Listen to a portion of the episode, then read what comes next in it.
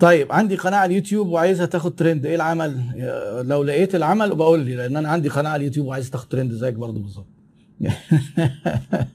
يعني الحمد لله القناة برضه يعني أنا عندي بتنمو ببطء بس يعني ما يجيش ابدا قد المجهود المبذول فيها. الأخ اللي بيسأل الأخ أحمد عباس أبو حميد آه، أنا عندي حاجة و80 ألف. طبعا هي نعمة الواحد يحمد ربنا عليها بس طبعا بس القناة دي بقى لها 8 سنين. يعني قاعدين بن ماشيين كده كالسلحفاة وممكن أي حد بيعمل فيديو كده قناته في خلال شهرين ثلاثة بتلاقيه قفز لارقام قياسية. آه، لكن على فكرة في نصايح لليوتيوب بس يعني في بقى YouTubers أقدر مني يتكلموا في الكلام ده. أنا حتى بسألهم لما بحب يعني آه، وعندي طبعا خبرات بس أنا مش أحسن واحد يكلمك على اليوتيوب. في YouTubers وناس محترفين ممكن تدخل تبص على قناتهم. في شاب مهندس ظريف قوي عامل قناة اسمها Matrix 219 أنا بدخل أشوف هو بيعمل إيه و... وبتعلم منه حاجات كتير. ادخلوا بقى دوروا عليه. هيفيدكم في الحكاية دي. الأخ علي محمد. آه كويس. ده كان سؤال من الأسئلة اللي عدت وقلت كورسات Udemy الخاصة بحضرتك. هل بنفس جودة الكورسات الأرضية؟ آه، بص آه، اخ علي برضو عشان أبقى واضح معاك. آه، ال interactivity والتفاعل اللي في ال class عمره ما هيبقى زي إنك تقعد تسمع فيديوهات. يعني أنا بحاول أقربها. يعني أنا مثلا لما باجي أحط فيديوهات already الفيديوهات أنا ببيعها. بس الفيديوهات أنا ببقى مسجلها من class فأنا مسجل الفيديو وفي طلبة موجودين وبيسألوا وأسئلتهم بتتسجل ويبقى في معاهم مايك يسألوا فيه وأنا بجاوب. فاللي قاعد بيبقى يعني بحاول أكرر ال experience بتاعت إن هو قاعد في ال class لأن أنا بقول كلام هو نفس الكلام أهو اتسجل وبعدين اللي بيسأل فأنا بجاوبه. آه، ففي ناس بعد الكورس بيقولوا لي والله ده إيه يعني حسينا كأننا كنا معاكم. يعني لدرجة إن مثلا مرة واحد بعت لي قال لي أنا عايز أتعرف على فلان اللي كان بيسأل في موضوع الفلاني وده عجبني السؤال بتاعه وأنا عايز أتعرف على فلان ده عايز أشتري منه اللي هو كان نشاطه كذا. يعني حتى اللي بياخدوا الكورسات وما بيحضروش بي- بيعيشوا في الجو معانا. لكن لو حضرتك مثلا وأنت خطر على بالك سؤال وعايز تسأله في الثانية دي ما ممكن بعد شوية تلاقي حد يسأله.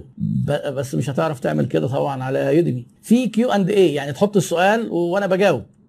يعني بس هتبقى أبطأ شوية. آه، فأنا بقدر الإمكان بقدر الإمكان بحاول أقربها. وهي بقى فيها ميزة كمان آه، فيها فيها ميزة إذا كان ده عيب يعني إن أنت مش ما هيش typical إنك تقدر تشوفها في أي وقت وحسب وقتك ومن الموبايل وأنت في البيت وأنت في العربية. ووقت العربية ده بنصح الجميع يستفيدوا بيه. آه، فدي ميزة. وبعدين برضو آه، سعرها أرخص بكتير من الكورس ال- من الكورس اللي أنا بديه آه، اللي هو في ال class. دلوقتي عشان أنا قللت الكورسات ك- بقى إيه دي supply and demand عرض وطلب. أنا قللت العرض آه، فبرفع السعر. لأن أنا بعد مثلا ما كنت عايز آه، أجيب آه، X من الناس. أنا دلوقتي هجيب ربع ال X فخلاص فأنا أرفع السعر وأخلي العدد يقل. وتش يعني إيه؟ حسابات ليها علاقة بالتسعير يعني حتى كورس التسعير أنا عامله فيها حتة العرض والطلب دي. فيعني بقدر الإمكان. آه، هو نفس المحتوى المحتوى يعني كمحتوى هو نفس الكلام اللي بيتقال بالظبط لأن أنا مسجل الكورس آه، هو نفسه. أدوات قياس الكباستي للمصانع الإنتاجية ذات المنتجات المختلفة كالديكورات والأخشاب. آه آه، طب كويس. في باب كده في بداية ما انت بتدرس ال operations management وأنا ان شاء الله برضه ناوي ابقى اكلمكم عن العلوم الإدارية.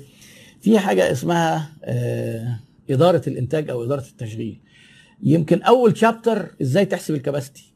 آه، لو طبعا ال capacity بتبقى سهلة جدا لو مكنه بتعمل حاجة واحدة. فتقدر تقول مثلا دايما الكتالوج بتاع المكنة وانت بتشتريها آه، يجي يقول لك مثلا المكنة دي بتنتج آه، دي بتطلع كذا آه، حذاء في في الشهر أو في ال shift أو في اليوم يعني أو في الساعة تقدر تحسبها. فكده آه، الطاقة القصوى دي هي ال capacity. افرض حضرتك مثلا عندك جبت مكنة والمكنة دي مثلا بتقدر تطلع لك 1000 قطعة في اليوم. آه، دي ال capacity. افرض أنت شغال بيها وبتطلع مثلا 600 ال 600 دول اسمها utilization بعد ما بنطلع ال capacity بنقوم حاطينها في معادلة كده تحت. وبنقوم حاطين فوق ال utilization إحنا شغالين بقد إيه لما تقسم ال- التشغيل أو الاستخدام على ال capacity بيديك حاجة اسمها productivity فالانتاجيه هي أنا مستغل قد إيه من الطاقة الإنتاجية. عشان كده لازم كل business يعرف ال capacity بتاعته لازم يعرف الطاقة الإنتاجية. سلعة أو خدمة أو أي حاجة منتج أي حاجة يعني أنا مثلا أقدر آه، كدكتور أقدر أشوف كام عيان في اليوم خلاص دي ال capacity. أنا كجراح أقدر أعمل كام جراحة في الشهر أو في الأسبوع. يبقى دي الكباستي. كل حاجة يعني كل حاجة. إيه مثلا عندنا مستشفى فيها كام سرير؟ عندنا 100 سرير. كويس جدا. في المتوسط السرير العيان بيقعد على السرير قد إيه؟ هنفترض يوم واحد عشان أسهل لكم يبقى أنا عايز كده عشان المستشفى تقعد شغالة عايز 100 عيان انبيشنت يبقى جوه المستشفى يعني في اليوم. ال 100 دول في اليوم يعني في الشهر 3000 طيب افرض بقى إن العيان بيقعد يومين بقوا 1500 آه، احسبها بقى. آه، 3000 العيان بيقعد 10 أيام. طبعا ده رقم كبير يعني قوي.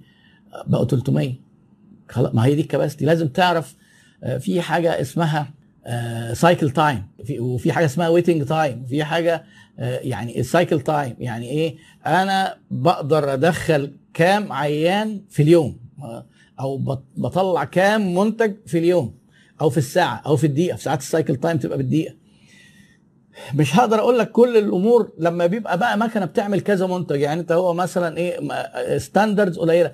أول ما ما نبعد عن ال standardization ال capacity بتقل على طول. عشان كده في, في إدارة الإنتاج في قاعدة. لو أنت حضرتك عايز تشتغل ب capacity عالية تقلل ال variety يعني بمعنى إيه؟ شركة مطابخ مثلا. لما يجي آه، العميل عايز مقاسات على مزاجه هو للمطبخ. خلاص أنا الورشة بتاعتي هتقعد تعمل له المطبخ ده هتاخد وقت ومجهود. أنا ممكن لو أنا عامل مقاسات ستاندرد ومعظم شركات المطابخ الكبيرة تلاقي عاملة كده. عنده علب مقاسات معينة دي 30 دي 60 وهم بينتجوا العلب دي باستمرار بنفس المقاسات. كده تقدر انت تحسب ال capacity. تشوف بقى العلبة دي محتاجة آه، وقت قد إيه على المكنة وقت قد إيه من العامل آه، وخامة كذا. يعني ادي مثال بماكدونالدز. ماكدونالدز عامل إيه؟ البرجر بتاعه كله ال beef أو ال chicken. نفس الخلط يعني نفس العجينة نفس البرجر. اسمه tasteless حتى بدون طعم. عشان يعمل عشان يزود السرعة فهو قلل ال variety عشان يزود ال capacity عشان يزود ال productivity عشان هو يقول لك أسرع دليفري في مصر دي وراها مكنة وراها operations جامدة جدا. آه، طيب هنقيسها إزاي؟ دي بقى محتاجة منك homework بقى وتفهم أنت القواعد وتقعد تقيس فيها. مش هقدر أقول لك أنا بالظبط لازم بقى أنت شغال في الواح ولا شغال آه، خشب يعني وكمان إيه ال production ده work stations لو انت بتلزق قشرة ما دي لها كبا... كل خطوة ليها capacity وابطا خطوة في الإنتاج بيبقى اسمها ال bottleneck. وفي ساعات ال bottleneck دي بتبقى هي الكارثة اللي بت... بتبوظ سمعتنا مع العملاء. عندنا كل حاجة ماشية كويس بس الدهان بيتأخر. بس اللي بيلزق قشرة مثلا بي- بيتأخر شوية. موضوع يهمني إنك أنت تعرفه كله مرتبط ببعضه هتلاقي الدنيا نورت. هو دايما اللي مش عارف لما بيعرف تلاقي الدنيا نورت. يبدأ بقى يحسب ويفهم عشان يعرف ينتج. أنا بغطي الكلام ده في ال course بشكل سريع آه، لأن أنا مش هقدر ادي كل الاداريات لكن أنا بجهز الناس يفهموا يديروا شركة إزاي عشان لما نروح نتكلم تسويق يبقى ما يقابلوش مشكلة من الإنتاج. ما هو كله بيك بيك بيسمع في بعضه إسلام رشدي بص بيسألني بيقول لي بالنسبة للمشروع الزراعي هل البدء بشراء أرض واعتبارها أصل أفضل أو البدء بإيجار الأرض أفضل؟ طيب هو في حاجة دايما وأنت داخل بيزنس اسمها تكلفة الدخول. تكلفة الدخول بتبقى طبعا لو هتشتري هتبقى عالية بس خلي بالك تكلفة الدخول عالية بس المخاطرة قلت. ليه؟ الأرض أصل لكن مش هيت مش هيتأثر يعني بالعكس ده سعره بيزيد سعر قيمته السوقية. لكن الفلوس اللي أنت بتدفعها إيجار دي مصروف في الحسابات مش هترجع تاني زي الكهرباء زي المرتبات. فأنت في لازم تبقى حضرتك إيه؟ ما هي ال- المخاطرة. ما تجيش تقول لي والله أنا هدخل البيزنس بفلوس أقل فمخاطرتي قليلة. لا خلي بالك هي فلوس أقل بس مخاطرة أعلى. لأن المخاطرة هي احتمالات الخسارة. لكن أنت طبعا بس أنت ممكن تقول لي أنا مضطر ما فيش فلوس. خلاص كويس يبقى إحنا فاهمين إحنا فاهمين إحنا بناخد القرار ليه. لكن لما تدخل حضرتك نشاط زراعي وهنفترض إن أنت معاك الفلوس و... وقلت أنا هشتري طبعا بتحسب كذا حاجة. هو الموضوع مش الأرض بس. لازم تعرف بقى العائد لأن أنت ممكن تيجي تحسب الموضوع ده في الآخر تلاقي إن الزراعة خسرتك بس الأرض مثلا على المدى الطويل ممكن تكسب. بس إحنا مش فاتحين عشان نسقع الأرض وإلا أو يعني كنا اشترينا الأرض وما عملناش حاجة. لأن في زراعات بتخسر يعني كل الأنشطة بتخسر أو تكسب. فانا بس حللت لك أنا ما أقدرش أجاوبك أقول لك اعمل كذا أو اعمل كذا. أنا دوري إن أنا أعرفك إزاي تفكر لأن أنت ال business آه، طول الوقت أنت محتاج تاخد قرارات. مدير الشركة ده دايما بيحل مشاكل ودايما بياخد قرارات فهو لازم يبقى معاه الأدوات اللي ياخد بيها القرارات. طيب هنقرا السؤال بتاع محمد عبد الناصر رغم إن هو خمس ست أسطر ولو تم إبلاغ العميل من قبل ال telesales بميعاد تسليم الفاتورة مع العلم إن الطلبية استحالة توصل في الوقت المحدد والعميل غاضب جدا ورفض التسليم في وقت تاني. في موقف زي ده أنا كواحد من خدمة العملاء اتعامل إزاي؟ كارثة. كارثة. وهل الغلطة تعتبر غلطة بيع؟ طبعا 100% غلطة بيع. إلا لو كان البياع ده رجع لحد في الإنتاج أو رجع لحد في الإدارة قالوا له ادي ميعاد على كذا. دايما البياع بيبقى فيه تعارض مصلحة بينه وبين الشركة وبينه وبين العميل. بينه وبين الشركة. ليه؟ الشركة حتى عايزة تلتزم. أنا صاحب الشركة وعايز ألتزم وعايز أدي للناس وعود بس أنا لو العميل حسيت إنه مستعجل لو أنا هقول له هنسلمك بعد شهرين هيمشي. أقول له لا حضرتك بص أنا أضمن لك ثلاث أسابيع هتبقى استلمت. بس تدفع لنا بقى الفلوس كلها. ليه؟ عشان حتى يضمن عمولته. وبعدين البس بقى إيه دبسه بقى في خدمة العملاء. غلطة بياع والبياع ده لازم يؤاخذ ولو كررها يتم الاستغناء عنه كمان. لا لأن سمعتنا أهم لأن السمعة هي اللي بتجيب البيع. البيع لعملاء غاضبين بيدمر السمعة بيبوظ البيع. يعني السمعة هي أهم شيء بالنسبة للشركة البراند وسمعته. فحضرتك دي طيب تعارض مصلحة مع العميل إزاي؟ هو عارف إنه بيكذب على العميل. يقول له خد دي جميلة بالنسبة لك وهو عارف إن دي مش جميلة ولا حاجة بس دي أغلى هياخد عليها عمولة أكتر. أو دي ما نبيعهاش فالشركة مديه عمولة عليها أعلى. فهو ال- آه، عشان كده انتجريتي البياع ده لازم يكون في حد سألني مواصفات البياع يبقى إيه؟ بيحب الناس وعنده نزاهة مش نزاهة بينزه نفسه يعني لا انتجريتي إخلاص وأمانة ويبقى أهل للثقة.